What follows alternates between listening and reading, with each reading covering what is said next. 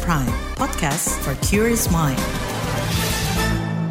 Halo saudara, selamat sore. Senang sekali bisa menyapa Anda kembali melalui program KBR Sore edisi Kamis 4 Januari 2024. Saya Malika, kembali menemani Anda selama kurang lebih 30 menit ke depan. Saudara, sore ini kita membahas tentang aturan baru pembelian LPG 3 kg atau gas melon, yaitu wajib menunjukkan kartu tanda penduduk atau KTP untuk pendataan. Kebijakan ini resmi diberlakukan awal tahun ini, setelah sebelumnya masa percobaan dimulai sejak Maret tahun lalu. Apakah kebijakan pemerintah ini nantinya bisa berjalan lancar di lapangan dan bagaimana strategi pemerintah meyakinkan masyarakat? Kita bahas di KBR sore.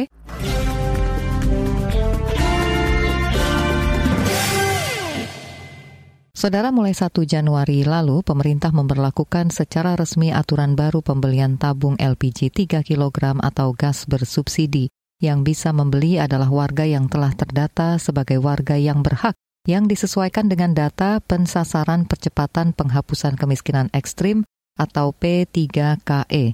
Pengguna dapat memeriksa statusnya dengan menunjukkan kartu tanda penduduk atau KTP di sub penyalur atau pangkalan resmi. Sementara pengguna yang belum terdata baru akan dapat bertransaksi setelah mendaftar dengan dibantu oleh sub penyalur atau pangkalan. Nah, upaya pemerintah ini bertujuan agar besaran subsidi tersebut benar-benar dinikmati oleh masyarakat yang berhak sesuai kewajaran konsumsi. Direktur Jenderal Minyak dan Gas Bumi di Kementerian Energi Sumber Daya Mineral, Tutuka Aryadi, mengimbau masyarakat yang belum terdata agar segera mendaftar sebelum melakukan pembelian LPG 3 kg bersubsidi. Untuk mendaftar, masyarakat hanya perlu menunjukkan KTP dan kartu keluarga di subpenyalur atau pangkalan resmi. Yang pertama, KTP ini berfungsi untuk menjadi uh, proteksi bagi masyarakat yang berhak mendapatkan. Jadi kami mohonkan untuk masyarakat, semua masyarakat membantu hal ini sehingga masyarakat yang membutuhkan, uh, yang berhak itu mendapatkan. Nah, masyarakat tinggal hadir ya. Kalau di pangkalan dia menunjukkan KTP-nya, di sana sudah ada uh, data mereka bagi yang sudah didaftar ya. Kalau yang belum, tolong membawa KTP dan kartu keluarga untuk didaftarkan, baru bisa membeli. Ya, jadi kita, pemerintah masih memberikan kesempatan bagi masyarakat umum yang belum terdaftar untuk mendaftarkan. Sekali lagi, ini adalah untuk memproteksi ya masyarakat yang membutuhkan dijamin untuk mendapatkan LPG PSO itu. Jadi sebetulnya tidak sulit. Toh kalau kita ke mana-mana saat ini juga harus membawa KTP, untuk naik kereta dan sebagainya juga membawa KTP. Jadi membawa KTP suatu hal yang uh, lazim saat ini. Jadi kami mohonkan ini jangan menjadi suatu yang uh, satu yang memberatkan. Saudara Direktur Jenderal Minyak dan Gas Bumi Kementerian ESDM Tutuka Aryaji mengatakan selain mudah dan cepat dalam proses pendaftarannya, masyarakat pun tidak perlu khawatir terhadap keamanan data pribadi konsumen. Pemerintah dan Pertamina menjamin data konsumen LPG 3 kg pada aplikasi Pertamina akan terlindungi sesuai ketentuan Undang-Undang tentang Perlindungan Data Pribadi.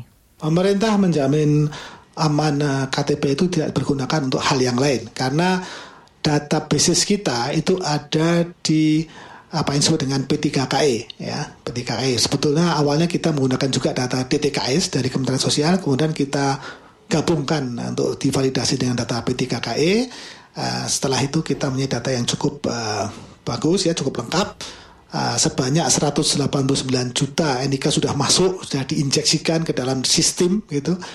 Nah, dari situ saat ini itu sudah berjumlah 31,5 ya per 31 Desember. 31,5 juta yang sudah melakukan transaksi. Jadi sebetulnya dari jumlah yang sekian puluh juta, 31,5 juta itu mestinya tidak ada permasalahan ya secara umum uh, apa memberatkan gitu ya. Nah, dari angka tersebut ada 7,1 juta yang datang di tempat dan mendaftarkan diri pada saat itu sebelum membeli. Ya, ini kita harapkan untuk uh, demikian juga masyarakat uh, yang lain yang belum terdaftar untuk mendaftarkan diri. Itu tadi Direktur Jenderal Minyak dan Gas Bumi dari Kementerian Energi Sumber Daya Mineral ESDM Tutuka Aryaji. Di lain pihak, Pertamina memastikan bakal menindak tegas menutup pangkalan dan agen yang tidak menjalankan aturan tersebut. Direktur Logistik dan Infrastruktur Pertamina Alfian Nasution mengatakan, dengan skema baru saat ini penyaluran LPG 3 kg terdeteksi secara digital.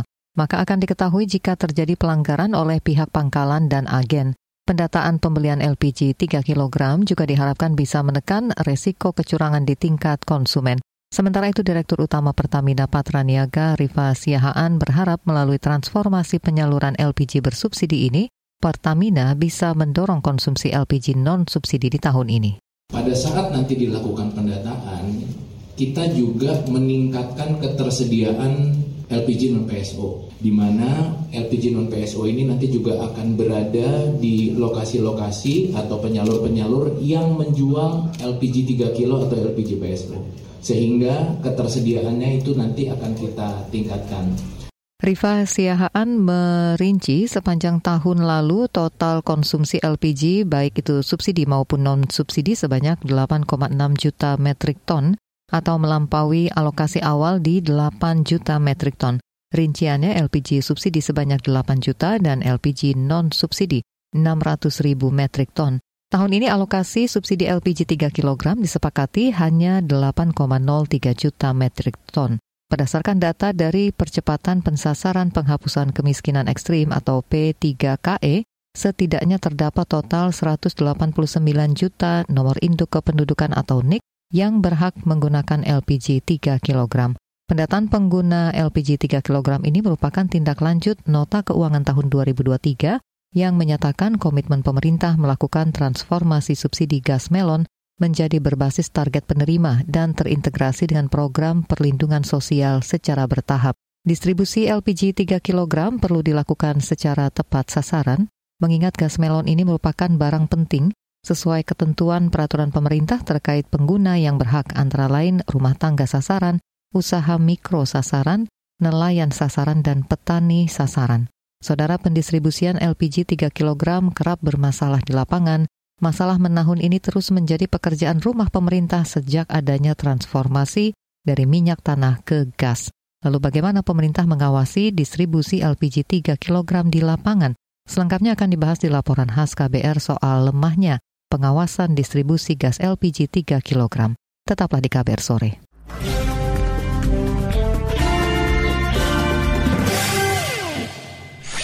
Commercial break. Commercial break.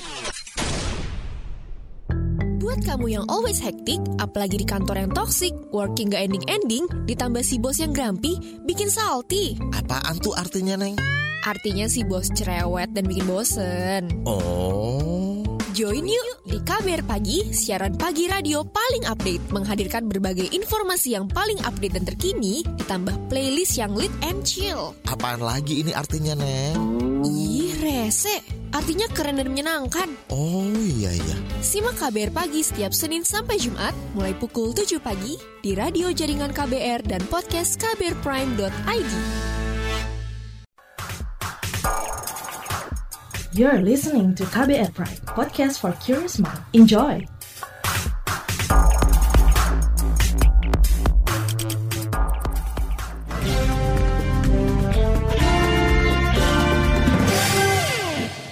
Saudara selama bertahun-tahun penyaluran gas LPG bersubsidi ukuran 3 kg kerap bermasalah, seperti penyaluran tidak tepat sasaran hingga distribusi yang tidak merata. Lantas bagaimana pengawasannya? Kita simak dalam laporan khas KBR yang disusun Hoirunisa.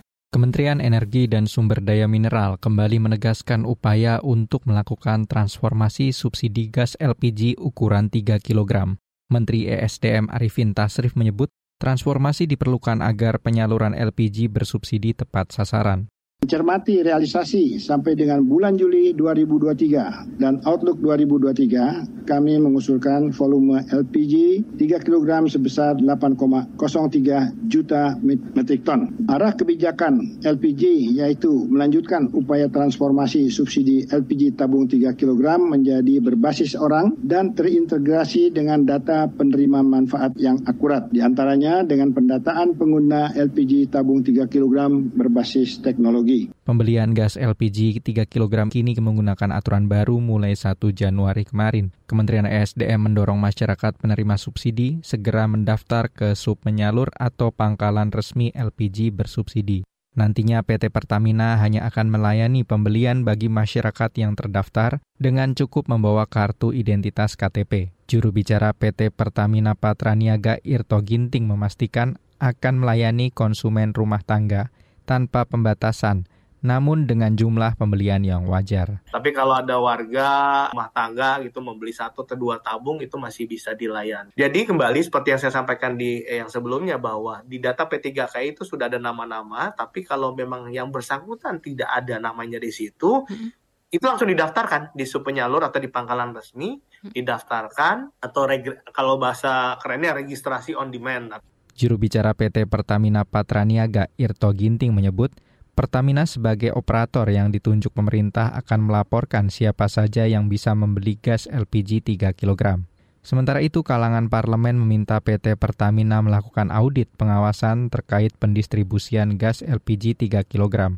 Anggota Komisi Bidang Energi DPR, Muhammad Nasir mengeklaim masih menemukan distributor yang menjual gas LPG dengan harga di atas harga eceran tertinggi atau HET. Saya minta mulai hari ini putuskan hubungan kerja mitra yang seperti ini supaya tidak terjadi lagi pak. Di daerah ini bu LPG 35 ribu. Di headnya cuma 23 ribu gitu. Jadi kita aja DPR RI bisa menemukan gini.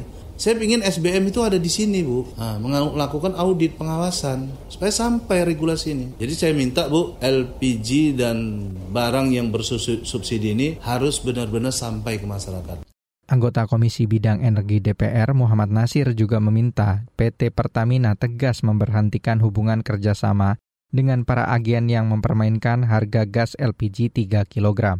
Tidak adanya pembatasan pembelian LPG bersubsidi selama ini mendapat sorotan dari pengamat kebijakan publik Trubus Rahadiansyah. Menurutnya, ketiadaan pembatasan bakal terus merugikan semua pihak, terutama masyarakat miskin. Trubus menyebut pengawasan pemerintah dan Pertamina masih lemah. Ia memperkirakan konsumsi LPG bersubsidi bakal terus melebihi kuota karena tidak tepat sasaran dan membuat anggaran jebol. Faktor pengawasannya yang sangat lemah dari dari Pertamina sendiri maupun dari daerah juga.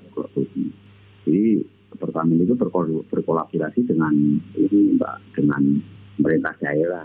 Itu melibatkan pemerintah daerah itu e, melakukan pengawasan kolaborasi itu melakukan pengawasan bersama dengan tentu juga dilibatkan dari itu unsur unsur APH atau penasihat hukum kan polisian. Pengamat kebijakan publik Trubus Rahadiansyah menyarankan pemerintah lebih memperkuat pengawasan di tingkat agen distributor dan pengecer gas LPG 3 kg. Tujuannya untuk memastikan berjalannya implementasi aturan di lapangan. Demikian laporan khas KBR disusun Hoirunisa, saya Reski Novianto. Itu tadi laporan khas KBR mengenai lemahnya pengawasan distribusi gas LPG 3 kg. Saudara kalangan pelaku usaha kecil dan mikro atau UKM menilai kebijakan aturan beli gas LPG 3 kg dengan KTP masih belum tersosialisasikan dengan baik di lapangan. Lalu bagaimana respon mereka terhadap pemberlakuan aturan resmi dari pemerintah mulai awal tahun ini apa saja harapan sebagai pengguna langsung dari LPG 3 kg? Selengkapnya sesaat lagi di KBR Sore.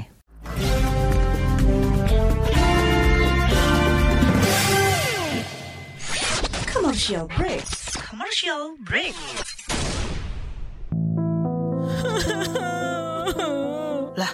ini anak kenapa? Gue diputusin Rehan. Aduh, yang sabar ya, Di. Saran gue, biar nggak terlalu kecewa, kalau jatuh cinta, jangan terlalu mendalam deh. Biar Saga aja yang mendalam. Ih, apaan sih lo? Kok jadi bawa-bawa Saga? Siapa sih Saga? Kepo, makanya kenalan. Saga, cerita tentang nama, peristiwa, dan fakta. Saya siap untuk membuat perubahan. Pasti ujungnya mati. Anggap yang lain. Saga menghadirkan kisah-kisah inspiratif, cerita tentang nama, peristiwa, dan fakta. Hasil liputan mendalam yang dikemas menarik dengan kualitas jurnalistik terbaik. Dengarkan Saga di podcast KBR Prime dan di program Buletin Pagi setiap pukul 6 waktu Indonesia Barat di radio jaringan KBR di seluruh Indonesia. You're listening to KBR Pride, podcast for curious mind. Enjoy!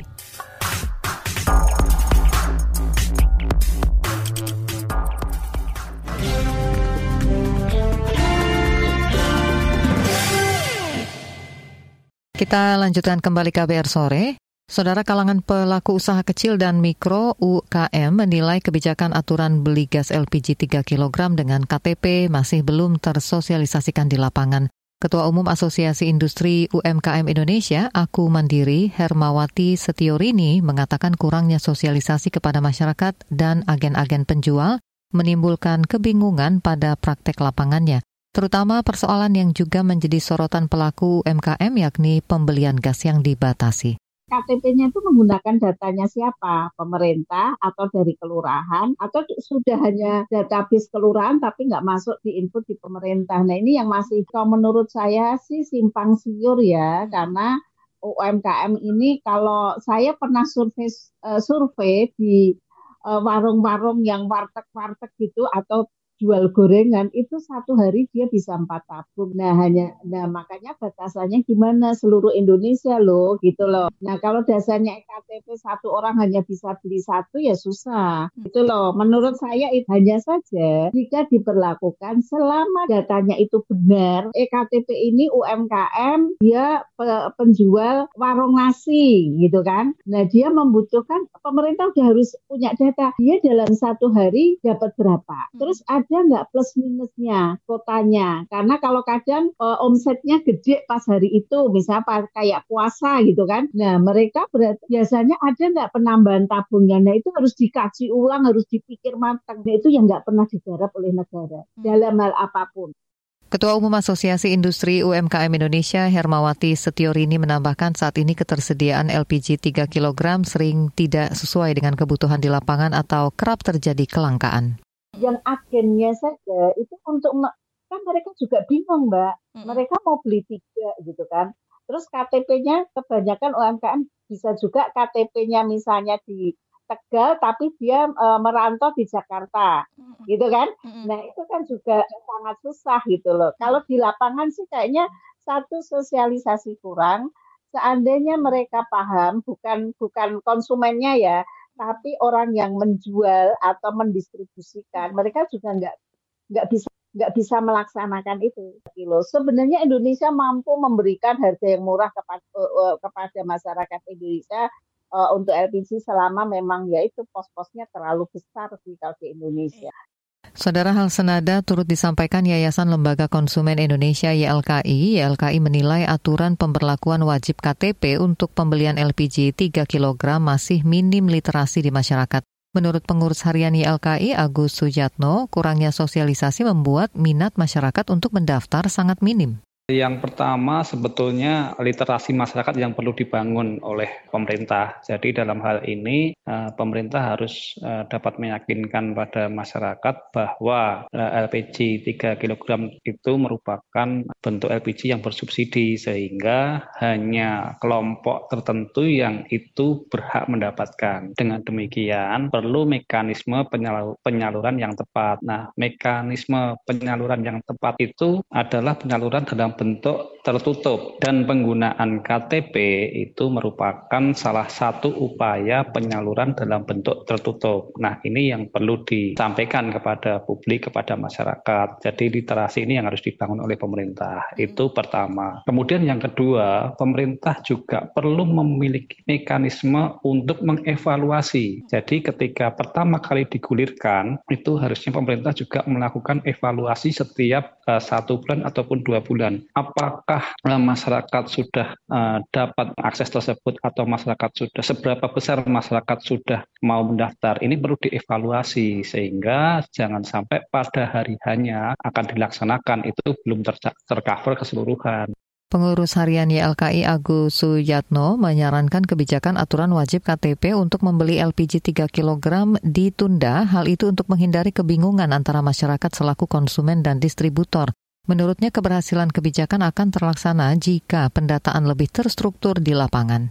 Dalam melakukan evaluasi dan sosialisasi belum dilakukan dengan baik, eh, ada baiknya pelaksanaan ini untuk ditunda. Karena apa? Eh, ini justru akan membuat kebingungan di masyarakat, bahkan bisa terjadi chaos antara distributor atau pedagang dengan konsumen, dengan masyarakat. Jadi ini yang perlu dilihat lebih jauh di lapangan. Jadi sebelum ada pendataan yang baik, kemudian terstruktur dengan benar, ini uh, sebaiknya memang penggunaan KTP untuk pembelian uh, gas LPG 3 kg dievaluasi atau bahkan ditunda. Itu tadi pengurus harian Yayasan Lembaga Konsumen Indonesia YLKI Agus Sujatno. Saudara kalangan pengamat energi meragukan efektivitas aturan pembelian LPG 3 kg dengan syarat KTP. Apa alasannya? Kita simak sesaat lagi di KBR sore.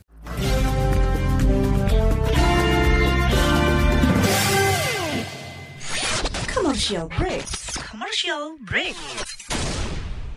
Tolong, tolong. Ada apa MJ? Spiderman tolong tangkepin orang ini. Aku habis kena tipu investasi bodong nih. Sekarang aku bangkrut. Oh alah, pasti belum dengerin uang bicara ya? Uang bicara? Apa itu? Podcast ekonomi dan literasi finansial dari KBR Prime. Narasumbernya kredibel dan topiknya cocok banget buat anak muda kayak kita. Ada juga nih, topik biar nggak ketipu investasi bodong. Uang Bicara, menavigasi kamu supaya tetap cuan dari KBR Prime. You're listening to KBR Prime, podcast for curious mind. Enjoy!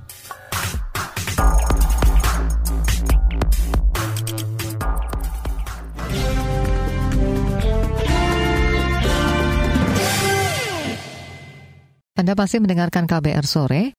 Saudara kalangan pengamat energi menilai pemberlakuan syarat KTP untuk pembelian gas LPG 3 kg tak akan berjalan efektif. Subsidi gas LPG 3 kg juga dianggap akan terus tidak tepat sasaran jika pemerintah tidak memperbaiki sistem secara matang. Selengkapnya kita simak perbincangan jurnalis Ardi Ridwansyah dengan pengamat energi Universitas Gajah Mada Fahmi Radi bagaimana agar hal ini berjalan efektif dalam artian masyarakat mau mendaftar saat membeli karena saat ini baru 31,5 juta NIK terdaftar atau jauh dari data 189 juta NIK yang berhak gitu Pak. Kalau hanya menggunakan KTP dan KK untuk setiap pembelian di mana pun itu termasuk di pengecer maka itu tidak tidak menunjukkan KTP itu tidak menunjukkan apakah dia orang miskin, apakah dia berhak memperoleh membeli LPG subsidi atau tidak itu tidak ada di KTP atau di KK itu ya. Kalau kemudian kementerian mengatakan ini akan disesuaikan dengan data itu ya, data kemiskinan, datanya itu kan banyak sekali dari Kemensos itu ya. Itu di mana pencocokannya itu? Apakah hanya di depo atau di agen RT? Ini kan nggak jelas juga dan tidak mungkin misalnya pencocokkan data tadi itu sampai ke pengecer warung-warung kecil misalnya. Kalau itu misalnya tidak ada, artinya saya pakai KTP dan KK saya bisa beli LPG 3 kilo di warung itu. Ini yang saya maksud bahwa penggunaan KTP dan KK sangat tidak efektif untuk melakukan pembatasan kalau tadi memang eh, tidak efektif ya sebenarnya apa yang bisa dilakukan oleh pemerintah gitu Pak? Dan apakah perlu ada ada cara tertentu gitu ya yang dilakukan pemerintah gitu untuk memenuhi uh, data tersebut gitu? Kan sudah ada data dari Kementerian Sosial gunakan data itu gitu ya. Artinya data yang sudah digunakan juga untuk pembagian BLT untuk pembagian yang lainnya bansos itu kan sudah digunakan dan itu by name by address itu loh. Nah untuk memudahkannya orang yang berhak yang datanya ada di Kemsos tadi dikasih kartu. Nah kartu tadi misalnya dikasih barcode gitu ya. Nah setiap kali pembelian di mana pun apakah di agen, di depo bahkan sampai di warung kecil itu gunakan kartu menggunakan barcode tadi itu tinggal di scan gitu ya. Nah dari scan itu mengetahui bahwa memang dia berhak sebulan sudah empat misalnya empat tabung um, dari barcode sudah diketahui juga dia sudah sebulan ini sudah dua tabung misalnya sehingga tinggal dua dua tabung yang dibatasi. Itu dengan amat mudah gitu ya. Teknologinya ya teknologi barcode gitu ya dan saya yakin Pertamina bisa melakukan itu. Alokasi subsidi LPG 3 kilo di 2024 ini kan disepakati naik ya menjadi 87, triliun atau untuk 8,3 juta metrik ton, Pak. Nah, ini bagaimana agar tidak membengkak seperti tahun lalu? Saya tidak yakin instrumen KTP itu bisa membatasi atau mengurangi kuota tadi di bahkan berdasarkan data tahun 2023 kemungkinan membengkak itu semakin tinggi. Sudah beberapa kali misalnya itu ya permintaan LPG 3 kilo itu meningkat sangat drastis. Sementara permintaan uh, eh, LPG yang subsidi non subsidi yang 12 kilo itu kan semakin menurun itu ya nah itu data tadi saudara menunjukkan bahwa terjadinya migrasi. Jadi konsumen yang biasa menggunakan 12 kilo, dia pindah ke 3 kilo karena tidak ada pembatasan apa pun kecuali KTP tadi kan. Nah kalau ini terjadi terus-menerus, maka permintaan 3 kilo akan meningkat pesat, sementara supply-nya kan tetap dibatasi gitu ya. Maka apa yang terjadi? Harga gas 3 kilo akan naik menjadi mahal. Dan ini terjadi berulang kali Nah kalau harga 3 kilo naik, maka siapa yang paling berkorban itu? Ya orang miskin yang mestinya berhak memperoleh subsidi tadi. Ini kan tidak adil sama sekali gitu ya. Dia tidak memperoleh subsidi tapi masih justru menanggung beban kenaikan harga. Ini kan ironis gitu. Dan ini nggak pernah diselesaikan oleh pemerintah gitu ya. Itu tadi perbincangan jurnalis Ardi Ridwansyah dengan pengamat energi Universitas Gajah Mada Fahmi Radi. Dan informasi tadi menutup jumpa kita di KBR Sore edisi Kamis 4 Januari 2024. Pantau selalu informasi terbaru melalui situs kbr.id, Twitter kami di akun @beritaKBR, serta podcast di kbrprime.id. Saya Malika bersama tim yang bertugas undur diri. Salam.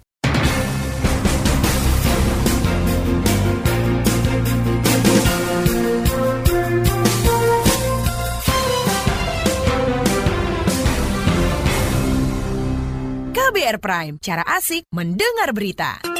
KBR Prime, podcast for curious mind.